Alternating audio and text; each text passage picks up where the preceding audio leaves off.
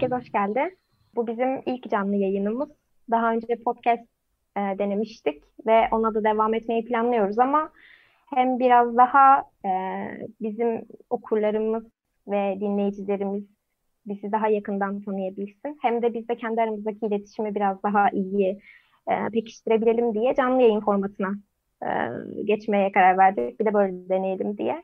E, bugün de geçen hafta çok konuşulan, hafta sonu aslında e, üniversite sınavları dolayısıyla çokça konuşulan e, Türkiye'de eğitim sistemi, merkezi sınavlar, öğrencilerin sınav algısı, üniversiteler, üniversitelerden beklenenler, Türkiye'de üniversite algısı. Bunlar üzerinde sohbet edeceğiz aslında. E, Z kuşağını konuşacağız dedik ama bizimki daha çok Y kuşağının son demlerini yaşayanlar olarak aslında kendi deneyimlerimiz üzerinden e, biz bugünü nasıl görüyoruz ve bugün Z kuşağı bugünü nasıl görüyor? Tahminler, belki biraz sorular e, belirlemek ve önümüzdeki günlerde de Z kuşağından birilerini burada ağırlayıp asıl onlara sormak istiyoruz. Çünkü bizden çok çok daha farklı bir süreci deneyimlediler bu son süreçte. Yani pandemi esnasında sınava çalışmak, önümüzde belirsiz vesaire e, çok soru var. Ama önce bir e, eğitimle başlayalım. Çokça da konuşulan bir şey aslında senelerdir e, bitmeyen bir mevzu. Belki Türkiye'nin adalet gibi kanayan yarası eğitim. İlk önce sözü ben e, Ertuğrul sana vereyim istersen. Sen bir başlangıç yap. Evet, e, dediğin gibi biz e, herhalde Y kuşağından oluyoruz bilimsel olarak. Kuşak çalışmaları yapan e, kimse yok aramızda ama en azından bu kuşağın içerisinde olduğumuz için ister istemez bütün sürece de tanıklık ettik. Ee, biraz ben buradan başlayabilirim belki. Dünya bize ne vaat etti, Türkiye bize ne vaat etti ve bizden sonra gelen kuşaklar, Z kuşağı ve bugün e, YKS sınavı özelinde daha yoğun tartıştığımız nesiller e, ne tür sorunlar yaşıyor üzerine. Şimdi Gergedan dergiyi biz kurma sürecimizde hatırlarsınız hepiniz e, genç işsizlik diye bir dosyayla başlamıştık. Aslında bu dos- dosyanın çıkış süreci de bizim arayışımızı bir şekilde temsil ediyor. Çünkü e, genç işsizlik gençlerin önündeki bizim gördüğümüz kadarıyla en temel sorundu ve hala da öyle. Hatta giderek daha da derinleşmeye ve daha da e, ağır bir sorun olmaya devam ediyor. Giderek daha da e, fazla insan hayatına dokunuyor. E, bu dosyayı çıkarmaktaki amacımız dediğim gibi o kuşağın sorununu, bizim sorunumuzu, e, İrem'in, benim, e, Oktay'ın, Oğul'un e, temel kaygılarını bir ucundan da olsa yakalayıp daha e, daha çok tartışılır hale getirmek, daha fazla gündeme getirmekti. Elimizden geldiğince e, bunu yaptık. Biraz daha insan hikayeleri üzerinden ilerlemeyi tercih ettik. Bu bizim e, dergide de benimsediğimiz dilin aslında bir sonucu tabii ki de. E, ama tabii baktığımızda o Y kuşağının, e, bizim kuşağımızın 90'larda doğup e, 2000'lerde büyümüş olan kuşağın sorunları e, genç işsizlikle de sınırlı değil. E, tabii genç işsizlik bunların en önemlisini, en e, en ağır ve en çözülmez e, görünen başlığını oluşturuyor diyebilirim. E, kuşağının diğer sorunları nelerdi? E, bir kere eğitimden başlamak gerekiyor. Çünkü şu an asıl bu, yayın, bu yayını yapmamızın sebeplerinden bir tanesi de eğitim sisteminin e, gençler üzerinde yarattığı tahribatla ilgili bir şey. E, şöyle bir anekdotla başlayayım. Üniversiteye başladığımda ben e, üniversitede bir Türk Dili Edebiyatı gibi bir ders oluyordu hatırlarsanız hepiniz birinci sınıfta ya da e, birinci sınıftaydı diye hatırlıyorum. E, Oğul bilmiyorum aynı üniversite aynı bölümden mezunuz biz Oğul'la o hocadan ders aldım ama Melike Koçak diye bir e, genç bir akademisyen giriyordu dersimize. İlk derse girdiğinde şöyle bir şey demişti. İşte siz de Türk eğitim sistemine maruz kalmışsınız. Türk eğitim sisteminden sağ çıkmışsınız. Ee, bakalım nasıl olacak bu ders falan demişti. Sonra Melike Koçak'la çok hani e, iyi bir dil yakalayamadık aslında biz öğrenciler olarak. O da e, üniversiteye bir şekilde bağlanamadı ama bu cümlesi hep aklımda kalmıştır. Gerçekten e, biz Y kuşağı, belki daha önceki kuşaklar da böyleydi ama eğitim sistemine maruz kalıyoruz bir şekilde. Çünkü e, hem eğitim içerik olarak e, hem yapı olarak hem de e, amaçları itibariyle Türk eğitim sistemi e, bize çok fazla şey katmıyor diye düşünüyoruz. Yine e, geçtiğimiz günlerde Abdurrahman Dilipağ'ın ilginç bir karakter. E, Armağan Çağlayan'la röportajını izledim YouTube'da. Bilmem belki izleyenleriniz vardır. Abdurrahman Dilipak orada şunu söylüyordu. E, çoğu fikrine asla katılmadığım ve e, hayatta yan yana duramayacağım bir insan yine. E, o, o, o da kendi çocuklarının torunlarını okula göndermiyormuş anladığım kadarıyla. E, sadece zorunlu eğitim sürecinde mecburen gönderiyoruz. Onun dışında eğitimi kendimiz veriyoruz diyordu. E, tabii bu da daha önce başka isimler ya da entelektüeller tarafından denenmiş bir e, eğitim yöntemi ama e, şu e, dikkatimi çekti o sözlerinde. Çünkü e, ben torunlarımı Türk eğitim sisteminden çok daha iyi yetiştirebileceğimi düşünüyorum diyordu. Ve e, okulda çok uzun bir sürece yayılmış, e, çok fazla bürokratikleştirilmiş ama içeriği çok boş olan bir eğitimle karşı karşıya kalacaklarını biliyorum diyordu. E, buna ister istemez hak verdim açıkçası. Çünkü e, bugün Türkiye'de bir çocuğun 7 yaşından itibaren 18 yaşına kadar, e, herhalde 17-18 yaşlarına kadar e, bütün hayatı eğitim üzerine kurulu. İlk öğretim, ortaokul ve lise süreçleri üzerine kurulu. Ve bu eğitim kurumlarında geçirdiği bu kadar geniş zamana karşın e, oradan aldığı şey e, ne bunu açıkçası cevaplamak çok zor. E, ben asla üniversitelerin ya da eğitimin, ilk öğretimin, lisenin meslekileştirilmesi görüşüne taraftar birisi değilim. E, bu görüş hep Türkiye'de sık sık dile getirilir. İşte okul hayata hazırlasın, e, bir şekilde bir mesleki ya da bir uzmanlık e, geliştirsin derler e, kimi çevreler. Ben bu görüşte değilim açıkçası. Çünkü e, her şeyin meslek lisesi, meslek eğitimi, meslek okulu olması e, bana çok e, Oktay bunu daha farklı analiz eder ama çok kapitalist bir arzu gibi geliyor. Benim fabrikam var. E, orada çalıştıracak mesleki anlamda uzmanlaşmış kişiler arıyorum. O iş bölümüne e, uygun adaylar arıyorum demek gibi geliyor bana. E, dolayısıyla böyle bir taleple de söylemiyorum bunu ama bu eğitim sisteminin içeriğinin e, boşluğu çok temel bir sorun bence e, bizim ve bizden sonra gelen kuşakların önünde. E, bir üçüncü e, mesele de eğitimin ücretli olması. E, bizim kuşaklarımızın yaşadığı yine önemli bir sorundu. E, ben açıkçası bir özel okulda okuduğum için e, doğrudan hani eğitimin ücretliliğinden şikayet etme hakkı kendimde görmüyorum ama e, parasız eğitim için çok çeşitli mecralarda e, kendimce, haddimce e, çalışmalar yapmıştım ben de lisedeyken ve üniversitedeyken. E, eğitimin ücretli olması Türkiye'de temel bir sorun ve e, ücretsiz olduğu söylenen devlet okulları için de temel bir sorun. Çünkü e, kardeşi olanlar, e, ilkokula, ortaokula giden akrabası olanlar, yakını olanlar yine bileceklerdir ve muhtemelen benden çok daha e, fazla somut örnekler verecektir bu konuda. E, ücretsiz devlet okulları dediğiniz şey aslında sizin. Kıyafet için e, ciddi bir bütçenizin bulunmasını gerektiren, e, kitapların alışverişi için ciddi bir bütçenizi bütçe gerektiren, kırtasiye alışverişi için ciddi bir bütçe gerektiren, e, çocuğun sosyal ihtiyaçları için bir kere çok ciddi bir bütçe gerektiren okul arkadaşlarıyla yapacağı, ee, onun dışında sosyal aktiviteler, yüzme gibi işte e, halk oyunları gibi aktiviteler için bütçe gerektiren bir e, sürece dönmüş durumda ve bunların hiçbiri eskisi gibi e, makul ücretlerle, makul fiyatlarla alınabilecek e, hizmetler ya da ürünler değil. Bunların hepsi e, sıradan bir ailenin, ortalama gelir düzeyine sahip e, bir ailenin e, karşılamakta çok zorlandığı kalemler. E, asgari ücretle geçiniyorsanız bunları karşılamanız neredeyse imkansız. Çünkü bugün Türkiye'de yoksulluk sınırı, açlık sınırı e, belki bu yayında bulunan herkesi e, kapsayan bir e, noktaya gelmiş durumda. E, dolayısıyla e, biz Y kuşağı olarak bu sorunların içerisinden geçerek bir şekilde geldik. Z kuşağı bunu yine yaşıyor ve belki daha katmerlenmiş haliyle yaşıyor. Çünkü e, en azından bizim e, okuduğumuz süreçte, liseyi okuduğumuz süreçte ekonomi e, bu kadar e, kötü ve bu kadar ağır e, değildi ekonominin bize verdiği yük. Şimdiki gençlerin böyle bir sorunu da var.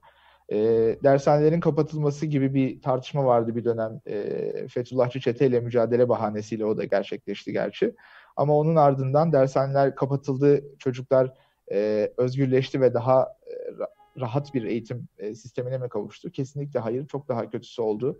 E, muhtemelen çocuklar akşamları okulda kalıyorlar, hafta sonu okula gidiyorlar. Bu ek e, eğitim süreçleri için okulların yeterli teknik e, altyapısı yok servis sağlanmıyor. Çocuklar işte e, otobüslerde anneleriyle babalarıyla her neyse sabah akşam yol gitmek zorunda kalıyorlar. E, bunlar benim görebildiğim kadarıyla e, hem bizim hem onların ortaklaştığı temel sorunlar. Bu işin gelecek boyutunu, genç işsizlik boyutunu e, üniversite nedir ki zaten üniversitenin bize vaat ettiğine e, gibi soruları e, ileride herhalde tekrar tartışırız. Ben böyle bir giriş yapmış olayım. Teşekkür ederiz. Ee, ben bir not girmek istiyorum araya. Bu meslek okullarına dair e, görüşün için.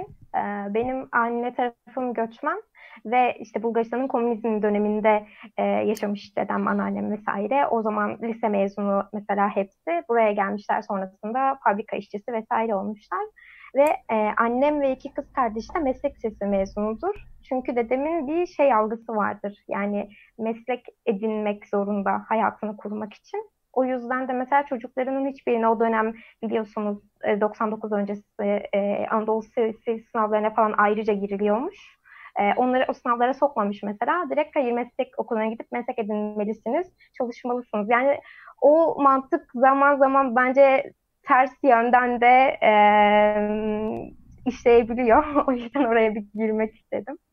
E, dediğin gibi aslında e, Z kuşağını niteleyen şeylerle bizi niteleyen şeyler örtüşebiliyor. Ama çok kısa şunu gireyim araya. E, aslına bakılırsa Z kuşağının tanımı e, değişebiliyor. Yani genel olarak 2000 sonrası olarak alınıyor ama bunu 95'e kadar çeken var. Ama Z kuşağının böyle ana evrensel niteleyicisi olarak e, gösterilen özelliği dijital çağda doğmaları, dijital bir çağda büyümeleri ve bu açıdan ben 2000 sonrasını daha uygun görüyorum kendi e, Facebook, işte Twitter ya da işte telefon edinme süreçlerimin hep böyle genelde liseye varması ile ilgili. Yani benim kardeşim 2008 doğumlu 5 yaşından beri tableti var. Ben, ben öyle bir çocukluğum yoktu gibi e, öyle bir araya da girmiş olayım Z kuşağı ile ilgili genel olarak e, bir konsensüs olmamakla birlikte 2000 sonrası ve dijital kuşak diye geçmesiyle ilgili. E, o sana söz vereyim. Sen de e, bir pencere aç. Ardından Ertuğrul'un dediği gibi Oktay'ın eklemeleriyle daha derinleştirelim konuyu. Yani tabii senin verdiğin örnekle bir giriş yaparsam eğer her çağın e, kendi ayrı bir zihniyeti var. Hani kendi insan profilini yaratmaya çalışıyor ve bu sadece ulusal bazda değil uluslararası e, bir konsensüs şeklinde aslında bu insan yaratılmaya çalışılıyor. E, ya yani 50'lerde verilen işte 40'lara çekelim işte halk e, halk evleri, e, köy enstitüleri her çağın kendi eğitim şeyi farklı. Fakat tabii Türkiye çok parti çok e, partiküler bir şeye sahip. E, her iki senede bir, her üç senede bir bazen daha kısa sürede eğitim sisteminin değiştiğini gördük bu son 20 yılda özellikle. E, ben de 2014'te liseden mezun oldum. Fakat daha sonra e, geçen yıla dek e, dershanecilik e, sektöründe biraz bulunma imkanım oldu. Ve hani bu sebeple benden sonra mezun olan insanları da, mezun olan öğrencilerin de dertlerini görme şansım oldu. E, farklı okullardan, farklı e, lise profillerinde insanlarla bir arada bulunma imkanım oldu. Ben e, Kadıköy Anadolu, Kadıköy Anadolu Lisesi mezunuyum ve Kadıköy Anadolu Türkiye'de hani geleneği olan liselerden biri olarak kabul edilir. Bu gelenek mezuna da aslında biraz kısacık değineceğim birazdan. E, fakat ben e, 11. sınıftayken daha gezi olayları patlak verdi. Bunun hemen ertesinde bir yıl kadar kısa bir süre e, içerisinde hükümet e, liselere bir e, müdahale başladı. Müdahalede bulunmaya başladı. İşte bu proje okullar olayı. Tabii bu benim mezuniyetimin bir yıl sonrasına denk geldi aslında bu projenin uygulanması. E, ve işte Kadıköy Anadolu Lisesi'nde başta olmak üzere pek çok e, ismi bilinen işte prestijli diyebileceğimiz okullarda e, biz öğrencilerin, velilerin e, bu projelerin direnişini gördük. Fakat bunların büyük bir kısmı hatta hepsi başarısız oldular. Başarısız olmak zorundaydılar maalesef. E, ve sonuçta e, biz Türkiye'de hani belli liselerin klasik işte belli bir sınıflaması vardır. Ve biz en üstteki okulların dahi e, bu geleneksel e, kökleri, geleneklerinden, köklerinden koparıldığını gördük son 5 yılda. E, eskiden işte Kadıköy Anadolu Lisesi'ne, Kabataş Lisesi'ne e, öğren çocuğunu yollamanın bir anlamı vardı. Bir bir anlam ifade ederdi. Oradan mez, o mezun olanlar işte illa bir yere gelecek denildi. Burada gelenek şeyini belki bağlayabilirim. E, çünkü bu okullar, e, burada hiç başka bir okulları küçümsemek için şey yapmıyorum. Her işte Anadolu liseleri dediniz. Anadolu liseleri 90'lı yıllardan itibaren Türkiye'de her şehrin kendi Anadolu, Anadolu Lisesi vardı. Ben aslında Adana'da doğdum ve Adana Anadolu Lisesi mesela Kurtepe işte bir ekoldü. e, belli ismi olan bir yerde. Her şehirde böyle okullar vardı ta Cumhuriyet'in kuruluşundan itibaren. E, fakat bu gele, bu gelene bu, bu okullar aslında e, işte matematiği mi daha iyi öğretiyor? Hayat işte ne bileyim tarihi mi edebiyatı mı daha iyi veriyor? Hayır. Bu okullar e, bu gelenek silsilesinden işte geride kalan ne varsa öğrenciye yaşam tarzı olarak bunu aşılıyordu. Yani ben Kadıköy Anadolu'da dünyanın en iyi eğitimini aldığımı sanmıyorum. Hatta sürekli hocalarla kavga ederdim. Çok kötü bir, daha o zamandan işte eğitim sisteminin ne kadar kötü olduğunu falan e, şey yapmaya çalışırdım. E, fakat Kadıköy Anadolu bana işte belli bir yaşam tarzı kattı.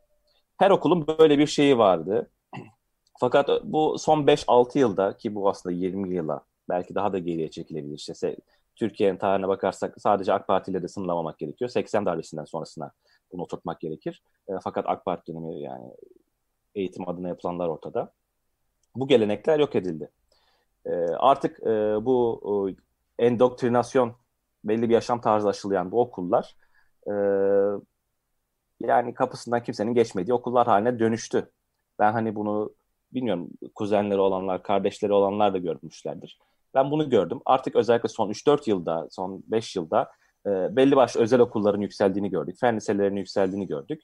E, demeye çalıştığım şey artık tamamen bu eski yaşam tarzından işte gelenekten, şundan, bundan vazgeçilip Ertuğrul dediği gibi bir e, liselerde tıpkı üniversiteler gibi diploma dağıtma merkezlerine dönüştüler.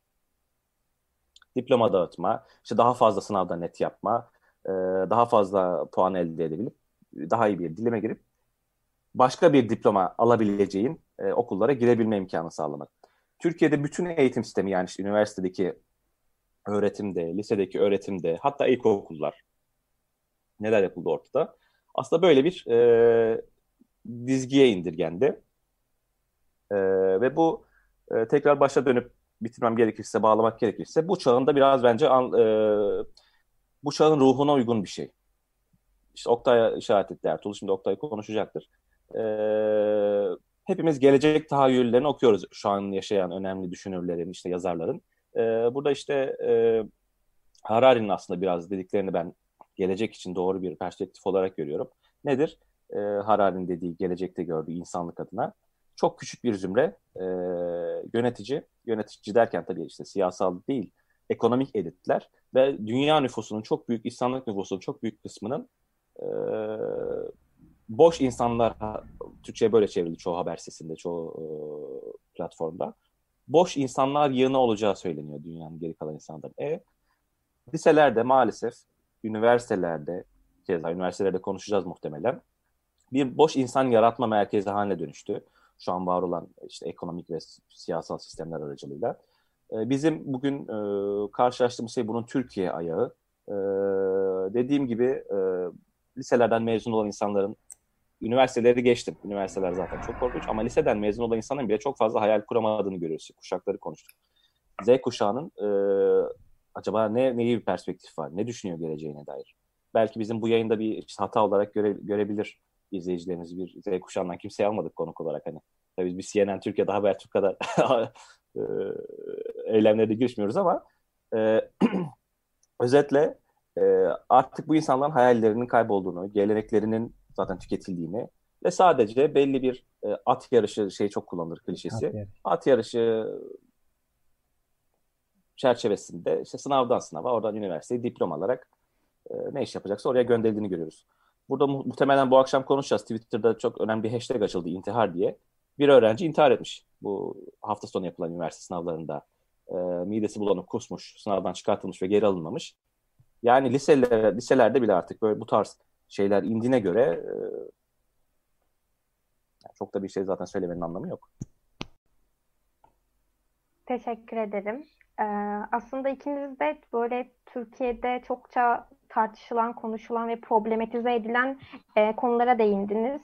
E, hem eğitimin aslında bu bizim süreçte oldu. Hani son 15 senede, son 10 senede özellikle oldu. Özel okullaştırılması, özelleştirilmesi ve devlet okullarının bu yönden içinin boşaltılması. Bir de e, bu köklü okullarla birlikte belli geleneklere sahip olan İyi Anadolu Sesi fen liselerindeki, devlet okullarındaki e, kadro değişimleriyle, e, çünkü çok fazla rotasyon yapıldı. Ben mesela lisede en çok bunu hatırlıyorum. Bütün müdür yardımcılarımızın, müdürlerin, öğretmenlerin rotasyonla değiştiğini hatırlıyorum. Bir de böyle bir ideolojik açıdan boşaltma vardı. E, böylelikle de aslında bugün e, benim mesela yakın çevremde gözlemlediğim şey e, bu dönemlerde lise okuyan ya da üniversiteye hazırlanan öğrencilerde şöyle bir algı oldu. Devlet okulunda okursam işte üniversite sınavını kazanamayabilirim. Çünkü dershaneler de kapatıldı, özel dersler çok zor vesaire. Özellikle memleketim Bursa'da ben bunu çok gözlemliyorum. Özel okullar yani e, dehşet arttı. Çok fazla sayısı arttı. Velilerin de devlet okullarına güveni kalmadı. E, ikiniz de bahsettiğiniz sınavlar silsilesiyle e, 17-18 yaşına gelen insanlar e, bir umut olarak e, üniversiteye girme hayalini e, tutmuyorlar. Ya bizim nesil en azından yani bizim dönemler içinde üniversiteye girmek, üniversitede okumak e, anlamlı şeylerdi. Ve bugün aslında bu intihar vakası da hala o üniversite umudunun belki e, olduğunu e, gösteriyor bize. Yani üniversiteye girmek hala bir anlam taşıyor demek ki. E, Ertuğrul benden sanırım bir söz istiyor bu noktada. Evet gördüğün için teşekkürler. E, çok küçük bir ekleme yapmak istedim. Önemli bir noktaya değindin yine. E, ben de Bursalıyım ve Bursa'daki e, okulların işte dönüşümüne az da olsa tanık oluyoruz tabii hepimiz yakınlarımız vesilesiyle de olsa. Ee, geçtiğimiz günlerde yine bu konu üzerine bir işte akrabamla e, konuştuk ve onun çocuğu küçük henüz e, dördüncü sınıfı bitirecek ve ikinci e, döneme geçecek eğitim sistemindeki ikinci aşamaya geçecek. E, ve okuldan sürekli işte çocuğunu İmam Hatip'e göndermesi, e, mahallenin en iyi İmam Hatip'i bu işte e, o, bu gidip gidebileceği en iyi okul zaten bu e, minvalinde bir yönlendirmeyle e, artık baskı düzeyine varan bir yönlendirme aldıklarını anlattı bana. E, sonuç olarak hani yapabilecek hiçbir seçenekleri kalmadı. Çünkü daha iyi olan ve imam hatip olmayan devlet okulları onlara uzak olduğu için e, gidemiyordu çocuk. Ve bu sefer bir özel okula mecbur kaldılar ve Bursa'da ciddi bir şekilde bu özel e, okul eğitim sistemi özelleşme halinde giderek de artıyor. Hani olup bitmiş bir şey de değil. Hala bu süreç devam ediyor. E, böyle de bir süreç oluşturuyor ve bu özel okullar içerisinde e, tekelleşmeye çalışanlar da var. Çok büyük oyuncular da var ama işte e, görece daha mütevazı, daha küçük e, bir e, binada ya da daha az öğrenciyle hizmet vermeye çalışanlar da var. Bu da sorunun aslında bir başka boyutu dediğin gibi. Hem İmam Hatip yönlendirmesi e, boyutuyla hem de özelleşme boyutuyla. Teşekkür ederiz.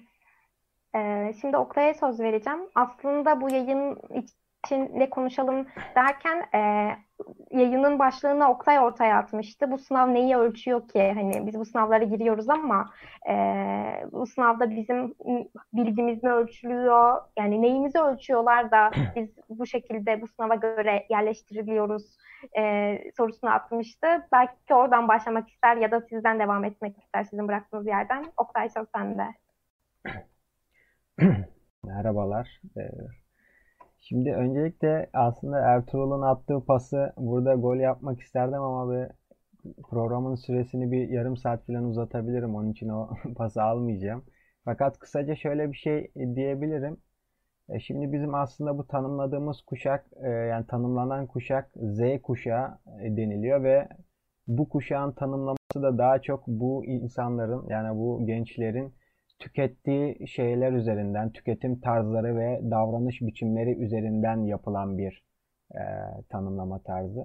Ben temelde bu tarz insanın yani davranış biçimleri ve tüketim tarzları üzerinde yapılan tanımlamalara biraz karşı olduğum için şimdi burada aslında arkada olup bitene biraz daha bakmak lazım. Ee, özellikle 1980 yılından bu yana e, gelen bir süreç var. Neoliberal bir süreç var.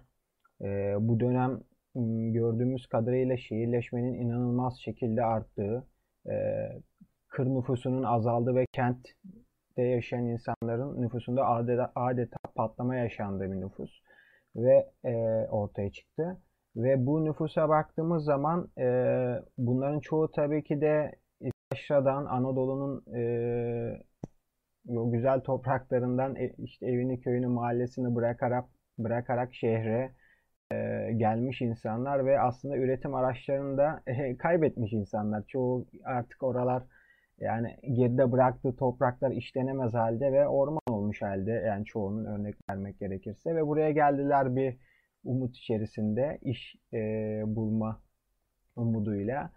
İşte zaman içerisinde o yaşanan süreçler işte o tipik duyduğumuz şeyler var aslında. Hani ben ezildim, çocuğum ezilmesin. Ben çok çalıştım, çocuğum çok çalışmasın. Buradan e, günümüze gelen bir süreç var. Özellikle işte bunun 2000 sonrasındaki Korkut Hoca da çok güzel şey yapıyor. E, bunu tanımlıyor. Özellikle finans sermayesinin de e, Türkiye'ye finans, dış, dış sermayenin de artışının hızlanmasıyla birlikte bir kere şunu çok net bir şekilde tanımlayabiliriz. Yani üniversiteler artık bugün inanılmaz şekilde piyasadaki e, işsiz havuzunu besler hale geldiler. Bu da zaten işsizlik havuzu dediğimiz şey zaten kapitalizmin e, son derece ihtiyacı olduğu bir havuz. Kapitalizmde hiçbir zaman piyasa ne yaparsanız yapın hiçbir zaman tam istihdamı sağlayamaz. E, dışarıdan bir müdahale gerekir. Ya devlet eliyle özellikle. E, dolayısıyla bu havuzu sürekli doldurarak e, ücretlerin de belirli seviyede tutulmasını sağlayan bir hal, hal aldı. Şu an mesela herhangi bir üniversiteden çıktığınız zaman yani ismi çok e, böyle kulağa hoş gelen üniversiteler e, de dahil olmak üzere diyorum ben. Çıktığınız zaman böyle bir iş garantiniz falan yok. Ya tabii burada şey de e, tartışılması gerekir yani demin o konuya da girdik biraz meslek e, okulları konusuna. Yani üniversite gerçekten çocuğunuza iş bulacak bir yer midir yani? Üniversitenin amacı bu mudur? Yani aslında bunun da tartışılması gerekir. Bin, e, şimdi 1980'den bu yana aslında Türkiye'nin de e, yavaş yavaş dışarı dışa açılma serüveniyle beraber kapitalistleşmenin hızlanmasıyla beraber aslında demin de bahsettiğiniz gibi eğitim de paralı bir yer aldı. Özellikle e, metropollerde İstanbul, İzmir, Ankara gibi e, yerlerde özel okulların sayısının çok arttığını görüyoruz. Bunun da şöyle bir şeyi var. Aslında burada şöyle bir sosyolojik olgu var. Şimdi bu şehirler aslında 80'den bu yana kırdaki nüfusun buraya geldiği e, e, ve burada yoğun olarak yaşadığı şehirler ve bunların şu an bir nesil alttaki e, çocukları şu an üniversite üniversite çağında ve çoğu da aslında e, şimdi üniversitede üniversiteye giren kişi sayısı belli ve okulların kapasiteleri belli. Yani İstanbul'da gidebileceğiniz okul kapasitesi belli. Dolayısıyla mesela şunu çok görüyoruz. Aile e, il dışına göndermek yerine İstanbul'da yaşadığı için diyor ki yani ben il dışına da göndersem burada bir maliyet var. Ben en iyisi burada bir özel okula göndereyim yani burslu kazansın filan böyle %50 bursları var filan onların. İşte 20 bin lira filan vereyim. Burada okusun hem gözümün önünde olsun gibisinden bir anlayış da var. Bunun da çok yaygın olduğunu görüyoruz ve özellikle özel okullar e, biraz da buradan besleniyor. Fakat burada yaşanan en büyük sorunlardan bir de öğrenci buraya gittiği zaman büyük bir şey yaşıyor. E, çarpıntı yaşıyor çünkü beklentileriyle hiç uymuyor. Yani şu an öyle bir hal aldı ki İstanbul'daki özel okullar yani bir apartman dairesinden bozma, e, son derece yetersiz, doğru imkanları olmayan bir okullar. Yani burada öğrenci aslında öğrencinin etkinlik alanı da burası olmuyor. Yani üniversitenin dışında aslında var olmaya devam ediyor.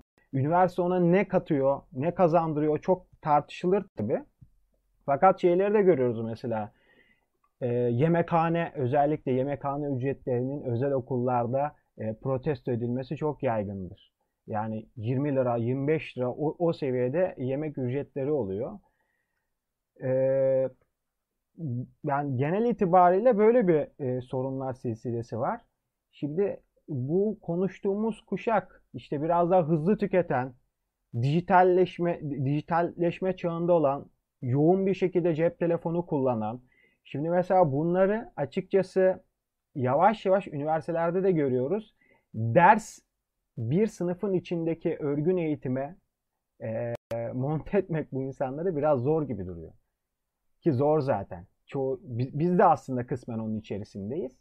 Şu anda öyle bir hale geldi ki zaten e, bu eğitimlerin e, yani mesela örnek vermek gerekirse ekonomi dersinde bir makro iktisat eğitiminin şu an YouTube üzerinden e, dünyanın en en iyi okullarındaki ders kayıtlarını izleyebiliyorsunuz. Fakat burada sorun şu ki böyle bir imkanın olması da bir şey önem arz etmiyor açıkçası. Bunun ne kadar kullanıldığı ile alakalı. Dolayısıyla aslında hep üniversite algısında bir problem var. Yani üniversitenin bir şekilde tartışılması gerekiyor.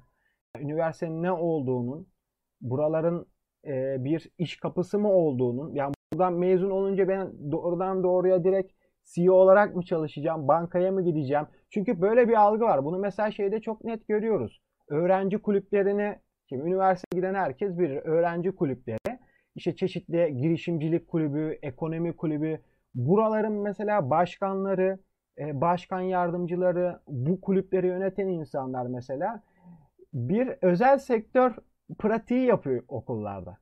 Yani mesela etkinlik düzenledikleri zaman e, takım elbiseleri çekiyorlar. İşte e, güzel ceketlerini giyiyorlar. Aslında yine o şeyi görüyoruz. Yani o e, beyinlere enjekte edilmiş o umutu görüyoruz. Yani aslında kişi orada üniversiteden çıktıktan sonraki kariyerinin aklındaki kariyerinin bir pratiğini yapıyor. Orada önemli bir müdürle falan orada bir etkinlik göstererek. Fakat üniversiteden çıktığı anda o meşhur o şey vardır bilirsiniz. Üniversiteden işte e, mezuniyet yürüyüş. O aslında işsizlik yürüyüşüdür yani. İşsiz işsiz olduğunuz günün megafonla megafon yoktur ama adeta ilanıdır. Direkt onunla yüzleşiyor ve aslında o noktadan itibaren aslında bu üniversite hani bana ne kattı, ne verdi? Bütün aslında sorun oradan başlıyor. Halbuki bence e, bu üniversiteye gitmeden önce biraz daha tartışmalı. En azından velilerin de e, bir şekilde e, çocuğuyla iletişim kurarak tartışması ve ona göre e, üniversite seçimini yapması ve beklentileri de çocuktan ona göre e, şey olması, e, düzenlemesi gerekiyor diyebilirim. Yani böyle şu an için turu kapatayım. Ee, evet. Şu an sesim geliyor mu? Evet, Oktay eğlendi galiba. Sen senden değil de sona tamam. doğru. Okey, bir korktum. Evet. Ee, o zaman aslında Oktay attığı sorunun cevabını vermedi ve e, kendi alanından beslenerek bize 1980 sonrası e, ekonomisiyle birlikte konuyu bağdaştırdı. Teşekkür ederiz aslında sizin bahsettiğiniz şeylerle çok ilişkiliydi tabii ki ama ben açıkçası Oktay'a soruyu sorduğundan beri cevabını bulmaya çalışıyorum. Gerçekten girdiğim üniversite sınavında çünkü belli bir başarı da gösterdim. Hani iyi bir puan almıştım, iyi bir sıralama yapmıştım ve şu anda kendimi başarılı bulmuyorum. ve o yüzden de gerçekten bu sınav benim neyimi ölçtü. O zaman neden başarılıydım, bugün neden başarısızım diye sorular soruyorum kendime bir süredir. Mezun olduğumdan beri aslında. E, ve bugün bunu düşünürken e, benim en çok e, içime sinen cevap şu oldu. Bilmem siz ne dersiniz? E, üniversite sınavı, üniversite sınavına hazırlanabilmek benim sabrımı ölçmüş. Yani hmm. hayatımı belli bir süre durdurabildiğim, sadece okula ve dershaneye gidebildiğim, e, gittiğim, e, ders çalıştığım, sadece ders çalıştığım bir bir seneyi e, yapar mısın yapamaz mısın iddiası gibi olmuş. Ben de yaparım demişim ve yapmışım da o odağı da tutturmuşum e, gibi hissettim ve sonrasında da aslında bugün iyi okul diye, iyi üniversite diye e, bilinen, e, yüksek puanla alınan birçok okulda da e, şu var. Onlar da bence bizim sabrımızı ölçüyorlar. Çünkü oku, okurken görece daha düşük puanla ya da daha kötü olarak anılan e, okullara göre daha çok zorluyorlar öğrencileri. Ve bu açıdan bana böyle bu eğitim sistemi genel olarak e, hem sınavlarla e, hem de istedikleri, bizden istedikleri şeylerle birlikte bizim hem sabrımızı ölçen e, hem de bizden e, aslında zaman yönetimi, stres yönetimi gibi şeyler bekleyen yani bu sistemde en başarılı olabilenler sanıyorum hem zamanını hem stresini yönetebilenler. Çünkü doğrudan bu çok da tartışılır yani bilgiyi ölçüyor mu ölçmüyor mu diye. Hani bunların e, bileşenleri. E, benim cevabım bu oldu. E, gerçi o sabrı sanırım kaybettim sonra ama siz bu soruyu nasıl cevaplarsınız? Sizce, sizce çünkü görece e, aran, e, aramızda e, bugün akademide iyi yerlerde okuyan insanlarsınız ya da Oktay çalışıyor keza. Sizce bu sınavlar bugüne kadar girdikleriniz sizi nasıl ölçtü, neyinizi ölçtü? Aslında ben hemen bir ekleme yapayım. Yani oraya da aslında çok şimdi orada da çok uzun bir konuşma yapmamak için belki ikinci tura saklarım diye düşündüm ama o zaman ikinci turu benimle açalım. Yani biraz daha böyle fazla konuşmuş gibi olacağım. Şöyle günümüz toplumunda aslında başarının ölçütü, ölçüsü iktisadi başarı. Yani mesela bunun sosyolojide en büyük karşılığı aslında Thorsten Veblen. Veblen'in yazıtlarında görürüz. Yani günümüz toplumdaki aslında başarının en büyük ölçütü ne kadar mal ve e, hizmeti satın alabildiğinizle ölçülür. Yani aslında e, bir iktisadi başarı, iktisadi öykünme topluma hakimdir. Siz ne kadar bu burada başarılı olursanız üniversitede de başarılı olmuşsunuz demektir. Yani aslında bir ODTÜ gibi, bir Boğaziçi gibi veya Bilkent gibi yani görece çok çok yani ismi is, is, isim yapmış çok bilindik bir üniversiteden mezun olmanızla çok sıradan bir üniversiteden mezun olmanız arasında bir başarı kriteri yok aslında. Yani çok sıradan bir üniversiteden mezun olup gerçekten derme çatma bir yerden mezun olup iktisaden çok başarılı bir yerde bir işe girir, girerseniz çalışırsanız yani örnek vermek gerekirse yani asgari ücretin şöyle 2-3 katı şöyle bir 5 bin lira civarlarında 6 bin lira civarlarında bir işe girerseniz siz zaten aslında toplum bu toplum içerisinde başarılı sayılırsınız. Hangi okuldan hangi üniversiteden mezun ol, mezun olmanızın herhangi bir önemi yoktur yani. Fakat şöyle bir durum var. Piyasa süreçleri çok çok daha farklı bir şekilde işliyor tabii ki de. Çünkü orada aslında şu an gördüğümüz kadarıyla yani birçoğumuz çalıştık. Çeşitli bir piyasa e, deneyimlerimiz de var. Bir kere çok ciddi bir şekilde bir network sistemi var. Çok ciddi bir şekilde torpil dediğimiz yani adı aslında referans diye e, güzelleştirilen bir sistem var. Fakat işte üniversite bunu öğretmiyor. yani üniversitenin amacı bu değil yani. Hani bu, bu toplumsal sistemi içerisinde başarının ölçütü iktisadi başarı fakat üniversite size bunu yeteri kadar yani piyasada çok iyi bir iş bulu, iyi bir iş bulacak kadar ve toplumun toplum önünde yani sizin baş, sizin başarılı olarak nitel, nitelendirileceğiniz kadar bir şeyi vermeyebilir üniversite. Dolayısıyla hani bu sınavlar ne ölçüyor? Bana kalırsa sadece işte matematik, işte Türkçe, işte ne bileyim açı ortay çözmeyi ölçüyor yani. Ben şimdi açı ortay çözsem ne olur, çözmesem ne olur? Bunun hiçbir yani bunun hiçbir şeyi yok. Hiçbir şey, e, kişiye bir kişisel gelişim olarak, akademik gelişimi, entelektüel gelişim olarak hiçbir katkısı olduğunu düşünmüyorum. Ki zaten çoğu insanın da yani biraz okumuş etmiş, biraz dünyayı anlayabilen, yorumlayabilen insanın da bu, bu beceriyi üniversiteden kazandığını da düşünmüyorum açıkçası öğrendiklerinin çoğu şeyin kendi gayretiyle, kendi emeğiyle ortaya çıktığını, üniversitenin tabii buna ne kadar sirayet ettiği de işte üniversiteden üniversiteye gelişir ama onun bile bir gelenekle yani bir üniversite geleneğiyle olmadığını, üniversitede var olan gerçekten bilim yapan birkaç tane hocanın o öğrenciye dokunmasıyla ortaya çıktığını görüyoruz. Böyle diyeyim bitireyim şu an. Teşekkür ederiz. Ee, o zaman Oğul'la devam edelim. Ee, Oğul sen ne düşünüyorsun sınavlarla ilgili? Bugüne kadar girdiğin, başarılı olduğun, başarısız olduğun bilmiyorum. Yani bence Türkiye'de hiç kimse yani ne yönetenler, ne yönetilenler ne yaptıklarını bilmiyorlar. Böyle başlamak gerek. Dediğim işte açı ortay işte trigonometri artık trigonometri de kaldırıldı. Her yıl çünkü konular çok değişiyor sınavlarda. E, tamam bunları çözdün, üniversiteye geçtin. Uluslararası ilişkiler kazandın mesela. İşte ne yaptık? Siyaset, siyaset bilimi e, okuduk. İşte sosyolojiye giriş. İşte e, uluslararası ilişkiler teorileri, bilmem ne bilmem ne, diplomasi tarihi.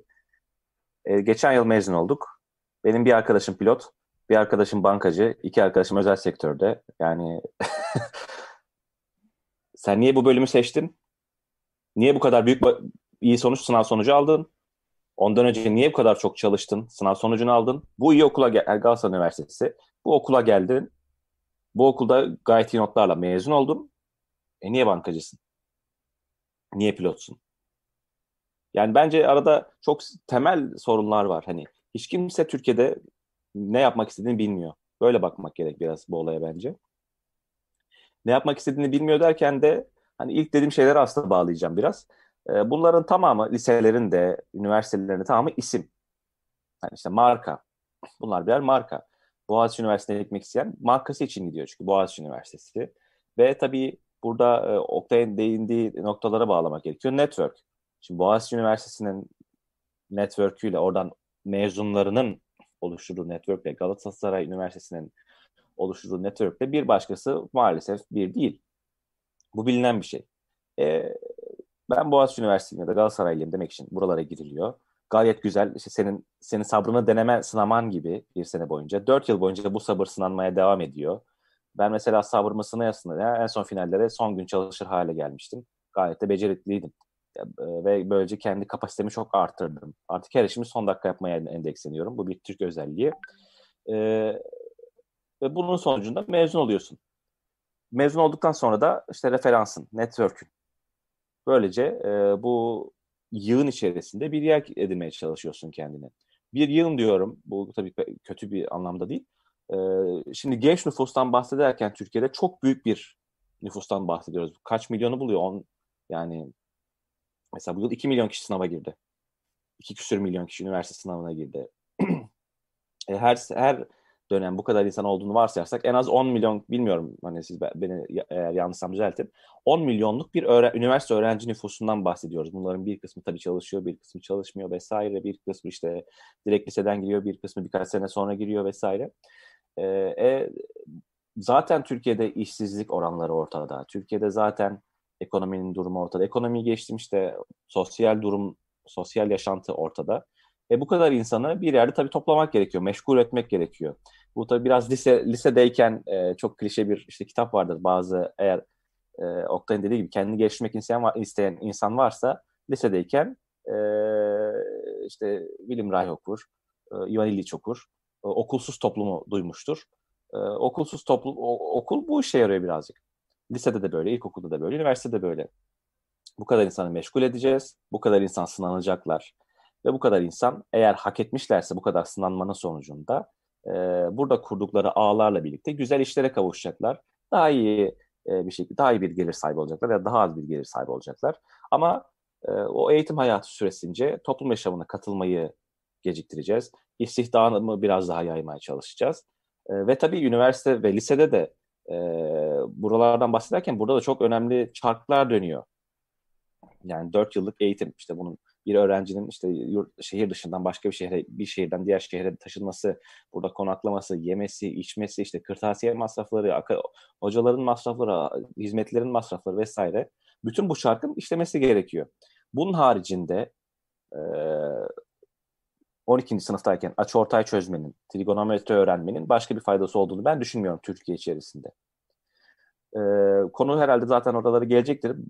E, Türkiye bu kadar madem kötü, madem eğitimin hiçbir amacı yok gözle görülür şekilde, o zaman bunun alternatifi ne olabilir? Bunun alternatifi olabilir mi tabii sormak gerekir ama bu soruyu, bu episteme, ontolojik soruyu bir kenara bırakırsak e, Fransa'ya bakmak gerek. Ama Almanya'ya bakmak gerek. İngiltere'ye bakmak gerek. Buradaki eğitim sistemleri nasıl? Buradaki sınav sistemleri nasıl? İşte mesleki eğitim dedik. İnsanlar mesleki eğitime mi yöneliyor lise, liseden sonra? Üniversiteye direkt yöneliyor mu yönelmiyor mu yoksa işte Twitter'da çok bu dolaşan bir geyik var. İşte Kanadalı bir gençle Türk bir genci karşılaştırıyorlar. Amerikalı bir gençle Türk genci karşılaştırıyorlar. İşte birisi 25 yaşında işte arabası evi falan filan var. Diğeri hala çalışıyor çalışıyor çalışıyor işte ders çalışıyor vesaire.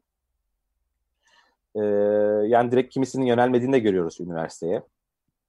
Yönelenler içinde de işte çok iyi bir akademik eğitim almak istiyorsun.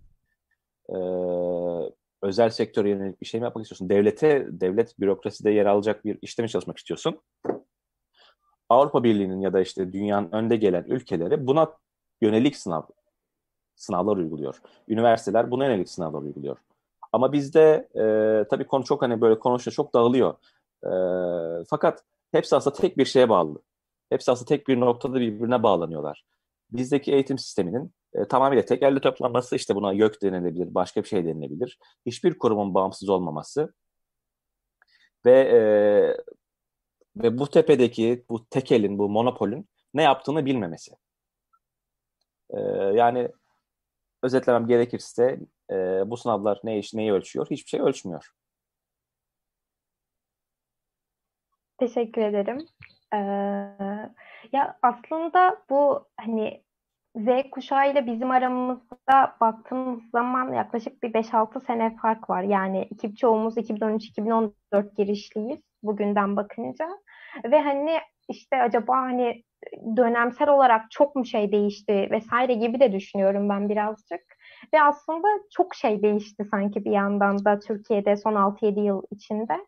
Ee, yani bir kere e, siyasetin geldiği nokta ortada. Yani e, Türkiye'de sistem değişti, e, siyasal konjonktür çok değişti. İşte siyasetteki e, aktörler belki çok daha güçsüzleşti vesaire. Bir bunlar var. Bunlardan şu an neden bahsediyorum? E, açıkçası benim üniversiteyle ilgili böyle çok e, farklı hayallerim vardı. Yani böyle çok idealize etmiştim. Artık lisede kim öyle anlattı bilmiyorum. Ya da böyle artık izlediğimiz filmlerden, okuduğumuz kitaplardan mı bilmiyorum ama ben böyle üniversiteye gittiğim zaman işte bir şeyler öğreneceğim, e, kitaplar okuyacağım. Sonra bunları kürsülerde tartışacağım vesaire. Böyle umutlarla gitmiştim. E, ve sonrasında da birinci sınıfta hatırlıyorum e, ki Boğaziçi böyle işte liberal vesaire işte her şey tartışılıyor. Orada herkes çok böyle tartışma kültürünü bilen insanlar böyle bir okul öyle şeyler duyarak da gitmiştim Boğaziçi'ne ve böyle şey olmuştu. Bu mu ya üniversite? Ben derse girip çıkıyorum. Ben işte midterm'e finale hazırlanıyorum. E sonrasında hani hani hakkını yemeyeyim farklı hocalarımdan aldığım çok e, böyle tartıştığım vesaire dersler de oldu ama genel olarak beklentimi çok karşılamamıştı ve bunu da aslında siyasal e, ortamdan, atmosferden çok da e, kopartamayız. Çünkü özellikle bizim okuduğumuz süreçlerde 2013 sonrasında ve 2015 seçimleri sonrasında hatırlarsınız patlamalar, işte insanlar öldü, e, polisler üniversitelere daha çok girdiler vesaire. E, sonrasında rektör zaten rektör atamaları değişti. A- artık hani atamaları diyorum farkındaysanız rektör seçimleri demeyi unutmuşum. Böyle bir siyasal ortamda zaten aslında üniversitelerde tartışma kültürünün e, kaldığı çok da e, bu arada sesim geliyor mu bilmiyorum. Umarım geliyordur şu anda çünkü siz takıldınız. E, böyle bir ortamda okuduk bir yandan. E, bir taraftan da e, bahsettiğiniz şeyler şu anda bizi bekleyen işsizlik, bu işsizliğin artması aslında. Çünkü ben bugün şeye de baktım. E, 2014'te e, yüksek öğretim mezunu ne eğitimde ne istihdamda gençlerin oranı e, ne kadarmış şimdi yanlış söylemeyeyim yüzde 19 civarıyken bugün yüzde 40'lara çıkmış e, düzey, düzeyde evet %38 şu anda. Ya bu çok çok garip bir tablo. Yani siz üniversiteden mezunsunuz ama yüzde 38'i üniversite mezunlarının ne eğitimde ne istihdamda diye bir sınıflandırmanın içinde. O yüzden de aslında üniversite tartışma kültürü, işte üniversite hayatı yaşamak, üniversitede farklı şeyler denemek isteyenlerin ihtiyaçlarını da karşılamıyor. Üniversiteyi meslek, kariyer basamağı vesaire olarak görenlerin de e, beklentilerini karşılamıyor. Bugün üniversiteye insanlar, öğrenciler ne için, ne motivasyonla giriyorlar? Hala kendilerini nasıl motive ediyorlar? Ben bunu çok merak ediyorum açıkçası. Öyle bir araya girmiş oldum. Ertuğrul şimdi sana söz vereceğim. Yo, estağfurullah yani sen de burada bir konuşmacısın. Sadece moderatörsün diye senin e, konuşma süreni kısmış olmayalım. Beklentiler ee, demişken Ertuğrul'la ben konuşmamalıyız ya Galatasaray mezunları olarak. Bizim Oğuz'la ciddi yaralarımız vardır üniversite üniversite ilişkin hem beklentilerimiz açısından hem de doğrudan üniversitede süreçlerin işleyişi, e, derslerin e, ve hocaların e, nasıl söylenir bizde yarattığı etki bakımından ciddi yaralarımız vardır ve sık sık da böyle döneriz. E, üniversite ne yazık ki hepimizde böyle bir etki bıraktı. Ama bundan hani çıkış yolu üzerine tabii çok çeşitli tartışmalar var ama benim e, aklıma gelen e, birkaç örnek var. Tabii eğitim deyince zaten direkt Finlandiya hepimizin aklına geliyor. Sadece üniversite e, nezdinde değil burada bütün eğitim sistemi e, bakımından konuşuyorum. Finlandiya çok iyi bir örnek. Hem e, alternatif e, metotları, Türkiye'den baktığımızda tabii alternatif metotları ulusal olarak kurumsallaştırabildikleri için. Ama onun dışında çok fazla pilot uygulamalar yoluyla e, yeni eğitim metotları deneyen e, ülkeler var. Ve bence e, bundan sonra belki Z kuşağının e, ihtiyaç duyduğu, e, doğrudan bugün talep ettiğine tanık olmadım ama e, onlara bir şekilde onların mücadele etmesi gerektiğini düşündüğüm e, meselelerden bir tanesi daha katılımcı eğitim metotlarının Türkiye'de de denenmesi. E, bununla ilgili İsrail örneği üzerine bir e, makale okumuştum. E, gerçekten ben daha önce çocuklarla da çalıştığım için e, bunun şu an bütün dünyanın, başta Avrupa'nın ve Türkiye'nin içerisinde bulunduğu bu eğitim krizi ve bu gençlerin, e, gençlik krizi diyeceğim ama krizin sebebi gençler de değil. Gençlik krizinin e, çıkış yollarından bir tanesi olduğunu düşünüyorum.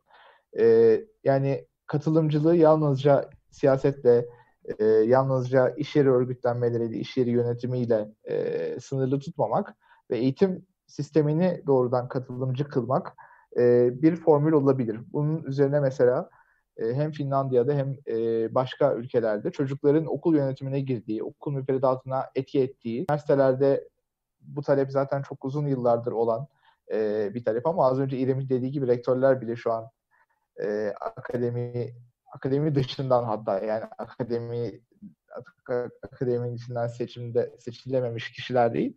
Direkt akademinin dışından da rektör atanabildiği için e, bu tartışma biraz abesle iş, iştigal olacak. Dolayısıyla daha e, yine ben ilkokul, e, lise düzeyinde düşünürsem e, bu bu ne denir alternatif e, metodun denenmesinin belki iyi bir e, yol açabileceğini düşünüyorum.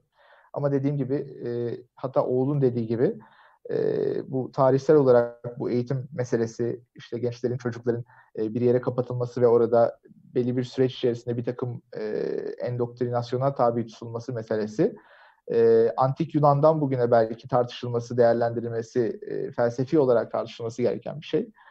E, ama şuna da katılmadığımı son olarak ifade edeyim. Böyle hani e, Açı Ortay'dan ne öğrendim ki falan e, konuşuldu ama biraz da ben bu olaya şöyle bakıyorum. E, okulun şu an okul sistemi, e, okulun içeriği e, çok büyük yanlışlıklar içeriyor olabilir ama ben e, en azından geometri gibi işte felsefe gibi e, dil anlatım edebiyat e, gibi derslerin e, varoluş itibariyle aslında gereksiz olduğunu düşünmüyorum. Yalnızca ben e, anlayışın, bu derslere bakışın, e, çocuklarla kurulan ilişkinin, e, okul binasının, e, kurumun, sistemin, müdürle olan ilişkinin, öğretmenlerin e, giyimlerinin, her şeyinin, bu bütün sistemin ben sorumlu olduğunu düşünüyorum ve hani e, bu biraz bence şeyin ötesinde bir şey. Yani derslerin içeriğinde e, her çocuğa atıyorum işte Türkçe öğretilmesinin, her çocuğa e, geometri öğretilmesinin e, ötesinde bir mesele. E, ve bunlar da bence bir çocuğun gelişimi için gerekli olabilir. E, bu biraz daha analitik düşünmeye yönelik, e, biraz sorgulamaya yönelik e, hale getirilebilir, getirilmeli hatta. E, şu an tabii böyle bir işaret yok. E, bir de bu aslında bizim sorunumuzun bir boyutunu oluşturan şey de aslında dediğiniz gibi yine İrem de Oğul da değindi buna. Son dönemde bu sürecin daha farklı bir hal almış olması. Hem biz bunu yaşıyoruz. Üniversitede okuyan ve ya da e, yeni mezun olmuş insanlar olarak. E, ama bizden daha ağır bir şekilde bu toplantının asıl konusunu oluşturan Z kuşağı yaşıyor. Herhalde son 10 yılda ondan fazla e, eğitim sistemi değişikliği yaşanmıştır. Yani ondan fazla üniversite sınavı adı duyduk. E, lise sınavları adı duyduk.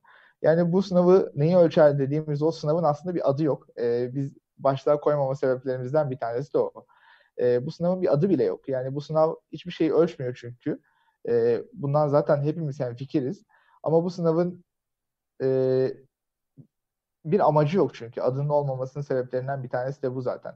Hani üniversiteye yerleştirme sınavı, e, üniversiteye geçiş sınavı e, bir eleme amacı mı yoksa e, bir dağılım amacı mı insanların ilgilendikleri alanlara dağılması için bir e, eşik mi? Ya bunun ne olduğu çok belli değil. Hani şu an birçok ülkede e, sınav üniversiteye geçişte uygulanıyor. Üniversitelerin kendilerinin sınav uyguladığı sistemler var. Ulusal düzeyde sınav, sınav uygulanan sistemler var. E, dolayısıyla hani sınav sistemi e, bir tek Türkiye'de, Türkiye'de her şey çok kötü e, penceresinden değil de dünyada aslında bu meselenin nerede olduğuna bakmak gerekiyor biraz da. E, bu sınav sistemi kesinlikle sorgulanması gereken, e, ortadan kaldırılması gereken ilk fırsatta bir sistem. Bunun yerine ne getirileceği tartışması da e, yalnızca işte Eğitim Bakanlığı'nın e, koridorlarında, yalnızca özel okulların yönetim katlarında değil de e, bu kez farklı bir metotla çocuklarla, gençlerle birlikte yapılsa belki sürdürülebilir bir sonuç elde edilebilir gibi geliyor bana. E, bir yandan da çünkü bu eğitim sistemindeki sorun bütün dünyanın, bütün insanların şu an içerisinde bulunduğu bu yönsüzlükle de ilgili bir şey. E, belki 1930'larda 40'larda eğitim sisteminin temel vurguları, eğitim müfredatının temel e, başlıkları üzerinden e, yapılacak analizler dünyanın nereye götürülmek istendiğine yönelik bir şey verebilirdi bize. Ama bugün böyle bir veri de çıkacağını düşünmüyorum ben açıkçası eğitim müfredatının analiz edilmesinden ya da eğitim sisteminden. Çünkü çok kafası karışık, e, bir amacı olmayan, e, her yöneticiyle, her bürokratla değişen ve kökten değişen bir e, bağlamdan, bir gelenekten, bir amaçtan, bir gelecek hayalinden, perspektifinden uzak bir sistemle karşı karşıyayız. Dolayısıyla çocukların da bu sistem içerisinde e, sınavlara yönelik ezber yapmak dışında bir hayal kurmalarını beklemek de e, çok zor bir yandan. Bence burada hani küçük edebi bir cümleyle bitireyim. E, bugün en korkmamız gereken şeylerden bir tanesi bence çocukların hayal kurmuyor olması. E, çocuklarla yine e, işte farklı projelerde ben çalıştığım için bu meseleyi ayrıca önemsiyorum. Ee, çocukların işte uzay hayali ne bileyim resimlerinde yaptıklarında kendi geleceklerine ilişkin daha somut e, meselelerde e, kurdukları o hepimizi şaşkınlığa uğratan hayaller e, zannediyorum artık yok. E, diyerek bu şeyi de ben kapatmış olayım. ben çok kısa bir ekleme yapayım. Müdahale etmem lazım. Bir Türk kökenli matematik aşığı bir vatandaş olarak şöyle ki arkadaşlar yani tabii ki de matematik geometri öğrenmek tabii ki de önemli. Fakat benim orada vurguladığım şey şu. Yani senin orada bizim orada bir geometri sorusunu çözebilmemiz başarılı veya başarısız o başarısız olduğumuz anlamına gelmiyor. Çünkü başarılı ve başarısızın kriteri çok farklı bugün. Diyorum ya bugünkü toplumda başarılı dediğiniz şey iktisaden başarılı olandır. Yani iyi bir üniversiteye kazanan değildir yani. Günün sonunda sen iyi bir üniversiteden mezun olsan da oradan çıktıktan sonra işsiz kalıyorsan başarılı değilsindir yani. Ve bunu da söylemek istiyorum. Aslında orada benim vurguladığım şey şu. Aslında Weber'de de işte şey, Weber şeydir işte yani ar, e, araçların amaçsallaştırılması. Biraz e, işte Marx'ta da metafetişizmi vardır. Yani aslında orada o açı ortay e, öyle bir araçla araç araçsallaştırılmış ki yani oğlun da bahsettiği gibi işte yani sen mesela gideceksin bir psikoloji okuyacaksın ama sana sistem sana diyor ki matematik de çözmen lazım. Hani oradaki matematik çözmen şeyi de aslında şey de değil. Ya bu çocuk matematik çözüyorsa analitik biliyordur. Yani biraz da analitik zekası vardır. Ben bunun bunun daha iyi olduğunu düşünmüyorum. Çünkü sorular o kadar çok standartize hale geldi ki. Yani bunları nasıl çözeriz? Bu, bunlar bir araç ve bu araçları hızlı bir şekilde nasıl kullanır hedefe ulaşırız? Yani bir üniversiteye kazanırız. O şekilde ee, bir e, şey olmuş. Sistem sistem o şekilde dizayn edilmiş. Dolayısıyla bunun senin de aslında demeye çalıştığın şey de o. Yani bunun aslında formunun biraz daha değiştirilmesi lazım. Farklılaştırılması lazım yani bunun araçsallaştırılmaması lazım ki o öğrendiğin geometrinin de bir amacı olsun, bir faydası olsun diyerek bir evet. E, tek bir şey söylemek istiyorum kısaca. Başarı konusunda aslında hani senin tanımın gerçekten çok önemli ve e, aslında içerisinde yaşadığımız toplumun ve bu toplumun iktisadi örgütlenmesinin anlaşılması açısından bunun da anlaşılması gerekiyor bence. E, bu toplumda başarı nedir? E, kim başarılıdır etrafımızda e, zenginleşenler, kariyer basamaklarını çıkanlar, e, iyi üniversitelerde okuyanlar, kimdir yani bu biz başarılı deyince aklımızda canlanan resim kimin resmidir? Bunu biraz düşünmemiz gerekiyor. konuda haklısın. Ama ben e, senin kadar bu başarı algısının e, ekonomik başarı üzerine kurulu olduğunu da düşünmüyorum. Yani toplumsal ilişkilerde bu biraz daha e, farklı şeyler, faktörlerle de ilerliyor ve e, bilmiyorum hani bunun üzerine çok düşünmüş değilim. Ama e, ekonomi vurguna hak vermekle birlikte, iktisadi başarı, zenginleşme, iyi maaş e, bunlara hak vermekle birlikte toplumdaki başarı algısının e, farklı faktörleri de olduğunu ama bunların da yine sorunlu olduğunu düşünüyorum. Evet. Um, o zaman ben de yani aslında bilmiyorum yayını ne zaman kapatırız ama e, söylemek istediğim bir şey daha var. Onu da söyleyeyim. Belki üzerine siz de yorumlarsınız. Sonrasında e, toparlarız bir. E, bu başarı fetişizmi, işte başarmak, iyi okullarda okumak, Oktay'ın az önce bahsettiği şey önemliydi bence. E, araçların amaçlaşması aslında. Yani işte üniversite sınavlarını mesela buraya koymak, üniversitenin içini doldurmamak ama sınav konuşmamız sadece vesaire. E, ben bunu artık şey gibi görüyorum. Bunu sizinle de daha önce paylaşmıştım. Sistemin krizlerinden her zaman bahsediyoruz. Sistemin belki son 10 yıldır en çok konuşulan şey neoliberalizm. Üniversite öğrencilerinin dahi en çok paperlarında yazdığı şey neoliberalizmin krizleri. Ee, ama bu sistem, bu düzen e, milyonlarca insanı aç bırakırken, açlık sınırında, yoksulluk sınırında yaşatırken e, çoğu insan e, bunu bu milyonların tembelliğiyle, işte salaklığıyla, işte hani istese yapardı. Bu biraz James Seymen, Seymencilik, aynen doğru söyleyeyim. İşte hani hayır işte siz fırsatları değerlendirirseniz yaparsınız. Dil biliyorsan bu işi yapar. O da olsun. Hani biz en son James Seymen'le de böyle bir şey olmuştu. Geçen yıl hatırlıyorum bayağı tartışma olmuştu. Bu aslında bu algının ifşası bence. Yani bu yanlış algının ifşası. Çünkü bu şu demek yani e, bu kadar şu kadar milyon insan salaktı, şu kadar milyon insan tembeldi, istemediği için yapamamıştı. O yüzden açlık sınırında askeri ücretlerle kol gücü işlerde çalışıyor. Peki bu diğer milyonlara baktığımızda üniversite mezunu olan ki işte tamam eğitim niteliksizleştirildi, üniversitelerde boşaltıldı. Bu tarz eleştirilere de yer yer katılıyorum ama bugün biz konuştuğum, bizim konuştuğumuz şey Galatasaray Üniversitesi, Boğaziçi Üniversitesi gibi okulların da içinin boşaltılması, buradan mezunların da işsiz kalması. Yani artık bunu böyle üniversite seçme şeyi de kalmadı. Herkes işsiz olabiliyor. Bu da aslında şu demek oluyor.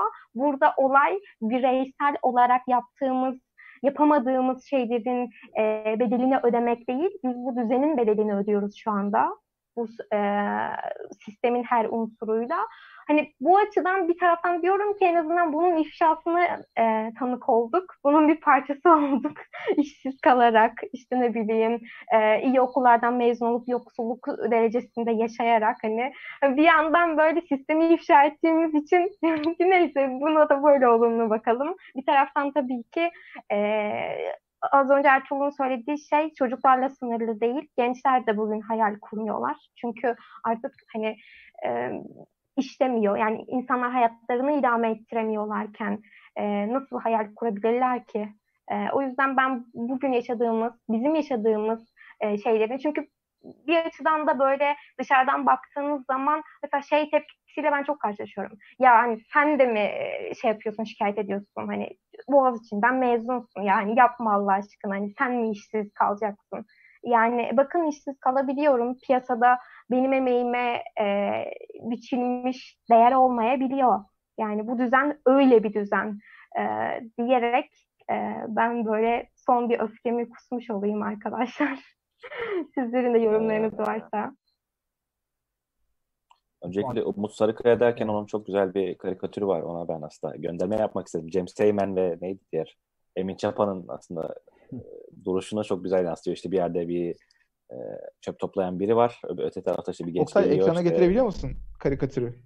Onu şimdi... Evet şimdi hatırladım. Ekran paylaşımını açarsan ben koyabilirim. tamam. Zor herhalde ama her neyse e, yani evet hani e, e, her şeyi niye devletten bekliyorsunuz tarzı bir anlayış. Tabii bu karika, yani karik, bunun daha karikatürize hali bu, bu bakış açısı.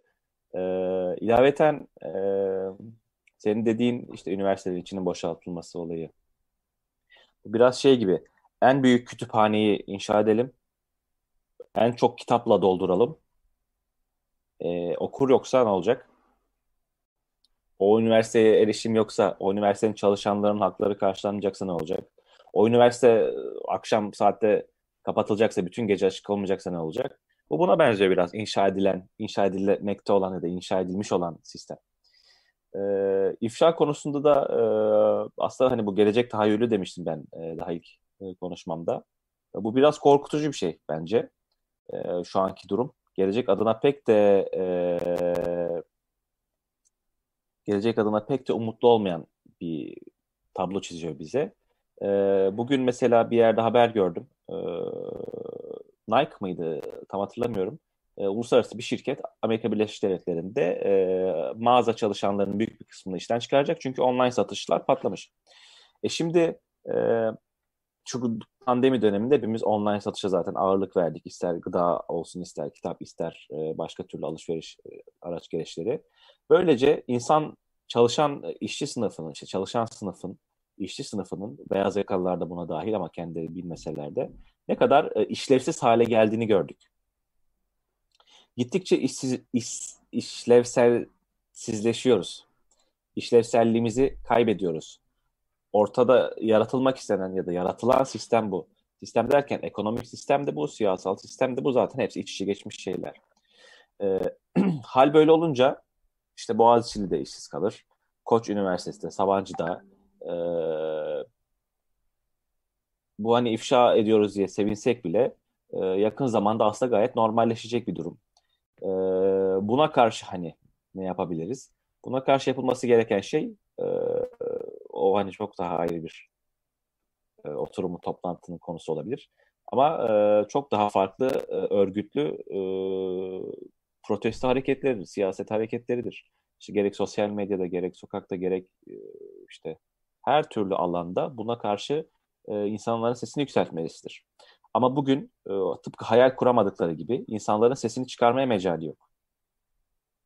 Aylarca, belki de yıllarca işsiz olanlar bir tarafta. Öbür yanda zaten 3-5 kuruş kazanan ve bunu Evet, düştü galiba. Düştü. Ee, Ani ani bir şekilde düştü. Şöyle kısa bir Çok kısa kısa da ben bir şey ekleyeyim. Aslında Oğul şeyden bahsediyor bu redundancy of eee, workers diye Ricardo'nun aslında işte bu e, işçi sınıfının vasıfsızlaşması diye tanımladığı bir şeyi var, terimi var. Onda aslında günümüzde zaten bu çok içsel olduğu için sisteme günümüzde çok rahat görüyoruz yani. Günün sonunda işte üniversiteden çıkarak içsiz, bir işsiz olarak piyasaya girdiğinizde size seçenekler aslında tek tipleştirilmiş durumda yani. Ya işte kıyafet katlayacaksın ya da burger yapacaksın yani. Bir şekilde aslında emek gücün de e, piyasada çok daha sıradan, çok daha böyle e, tipik gün içerisinde hep aynı işi yaptığın forma biçime doğru sürükleniyor tabii ki de. e, Yani az çok az önce ama e, devam edebilirsin kaldığın yerden. e, nerede kalmıştım? Çok güzel Ben bir soru. toparlama hani toparlayayım o şeyi. E, bir anda dedim e, demekte olduğum şey bir yanda işte aylarca yıllarca işsizlik çeken insanlar var bu ülkede ya da işte dünyanın farklı yerlerinde her neyse. Yan, öte, evet öte tarafta da e, 3-5 kuruş kazanmak için işte sabahın 6'sında 7'sinde metrobüse e, balık istifi doldurulan insanlar e, akşamın işte akşam karanlığına kadar e, kayıtları geçmez şekilde çalışan bunun e, bunun e, maddi karşılığını alamayan insanlar e, yani durum aslında biraz çıkmazda e, bunun çarelerini konuşma herkes Evet. tartışıyor tartışmaya çalışıyor biz de başka bir şekilde başka bir programda tartışırız ama en önemli olan en önemli adım e, işte Z kuşağı dedik E, sonra alfa kuşağı gelecek E, bütün bu kuşak muşak bölmeden e, herkesin içinden çıktığı bütün işte sınıfsal, e, coğrafi, ailesel, e, eğitimsel e, farklılıkları göz önünde bulundurmadan e, topluca hareket edebilmek, topluca karşı çıkabilmek. Şöyle e, galiba iki tane yorum var. bir onlara bir kısa yorum yapalım ve yormayalım isterseniz arkadaşlar da. Yavaş Tabii. yavaş saatte geç oluyor. Ee, Evet. ben ben bir cevaplayabilir misin? Tamam benlik sorular geldi. Evet bu yani şey demiş. E, mesela merhaba kısaca çöz- 1930'lara gitmeden Evet evet. Evet. Merhaba çözümü nereden görüyorsunuz? Sivil toplum mu, siyaset mi yoksa daha e, bir toplumsal mobilasyonda mı demiş. E, aslında burada işte hep gördüğümüz şey. Devamındaki soru da aslında bununla alakalı. Aslında soru 30'lara gitmesini gerektirecek galiba Oktay'ın birazcık. Evet. Evet. Evet ya bu- bir de şey dermiş. Sosyal yani, devlet. insanlığın bu geçen gün her geçen gün işlevsizliğinin yitirilmesi LinkedIn'de orada buldu a- adeta kutlanıyor demiş. E, bu da doğru. Yani işte verimlilik, verimlilik, verimlilik dediğiniz şey aslında bağır- bağırıp çağrılan şey aslında az e, sermaye bölü emek gücünün çok yüksek olması. Yani üretimdeki emek gücünün daraltılması aslında verimlilik denilen şey. Bugün her yerde o yapısal reformlar falan konuşulan şeylerin aslında temelinde bu var. Ee, bir şekilde emek gücünün aslında e, sistemin dışına itilmesi var. Yani çözüm aslında bence ben buraya ekonomi dışından bir yerden çok fazla bakamam herhalde. Ama yani çözüm çok kolay olduğunu düşünmüyorum açıkçası. Ee, bence şey olmalı yani biraz daha e, buradaki en azından e, üniversite sınavlarında en azından harcanılan paranın bir şekilde daha e, kayda değer bir sonuç almak için düzgün kullanılması. Mesela çok basit bir örnek vere, vermek gerekirse mesela siz 4 sene boyunca bir öğretmenlik eğitimi veriyorsunuz. Bir Türkçe Türkçe eğitimi veriyorsunuz. Bu kişi çıkıyor ve atanamıyor. Öğretmen olamıyor. Günün sonunda piyasada çalışmak zorunda kalıyor. Yani inanılmaz bir israf değil mi yani? Verimlilik kaybı. Havaya giden para yani niye bu niye böyle bir Şey- harcadık ki yani? Dolayısıyla burada yani böyle böyle bir büyük bir sorun var. Yani bu buna söylenecek tek cevap bence planlı hale getirilmesi bunun. Yani piyasada bir e, ülkenin içerisinde bir ekonomi var. Yani şimdi bu, yani her ne kadar Ertuğrul demin dediğin gibi yani ekonomi çok böyle bir başarının ölçüsü olmasa da bakın yani bütün konuşmanın bütün seyri ekonomi ve iş, istihdam üzerinden dönüyor. Dolayısıyla hani böyle bir gerçek varsa o zaman buna yönelik bir şekilde daha planlı piyasaya bırakmadan bu işlerin çözülmesi gerektiğini düşünüyorum ben. Yani çözüleceğini sanmıyorum ama biraz daha iyileştirilebileceğini düşünüyorum. Burada ben bir devreye gireyim o zaman sözü alayım. E, Oktay yine ekonomi temelli bir açıklama haklı tabii.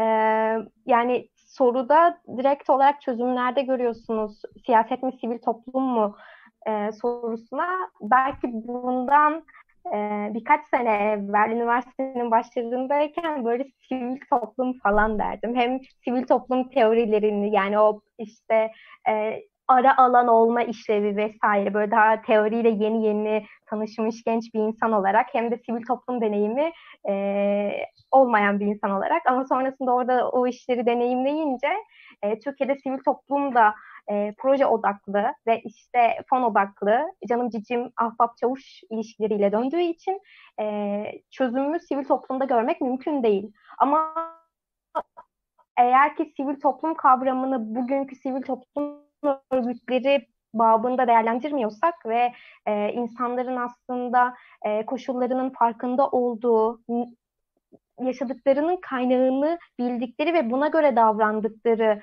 e, biraz ütopik bir alan olarak değerlendiriyorsak ben hala birazcık buna inananlardanım. Burada da benim çok önemli gördüğüm şey e, öfkenin doğru yere yönlendirilmesi. E, yani hepimizin bir öfkesi var. İşte işsiz kalanında, yoksul olanında, sınavda e, emeği görmezden gelineninde yani herkesin bir şekilde hakkı yeniyor e, ve bu çoğu yani her zaman böyleydi belki ama son zamanlarda, son yıllarda arttı. E, üzerimizdeki hem ekonomik hem siyasi e, baskı da arttı. Ki toplumsal baskı zaten her zaman vardı.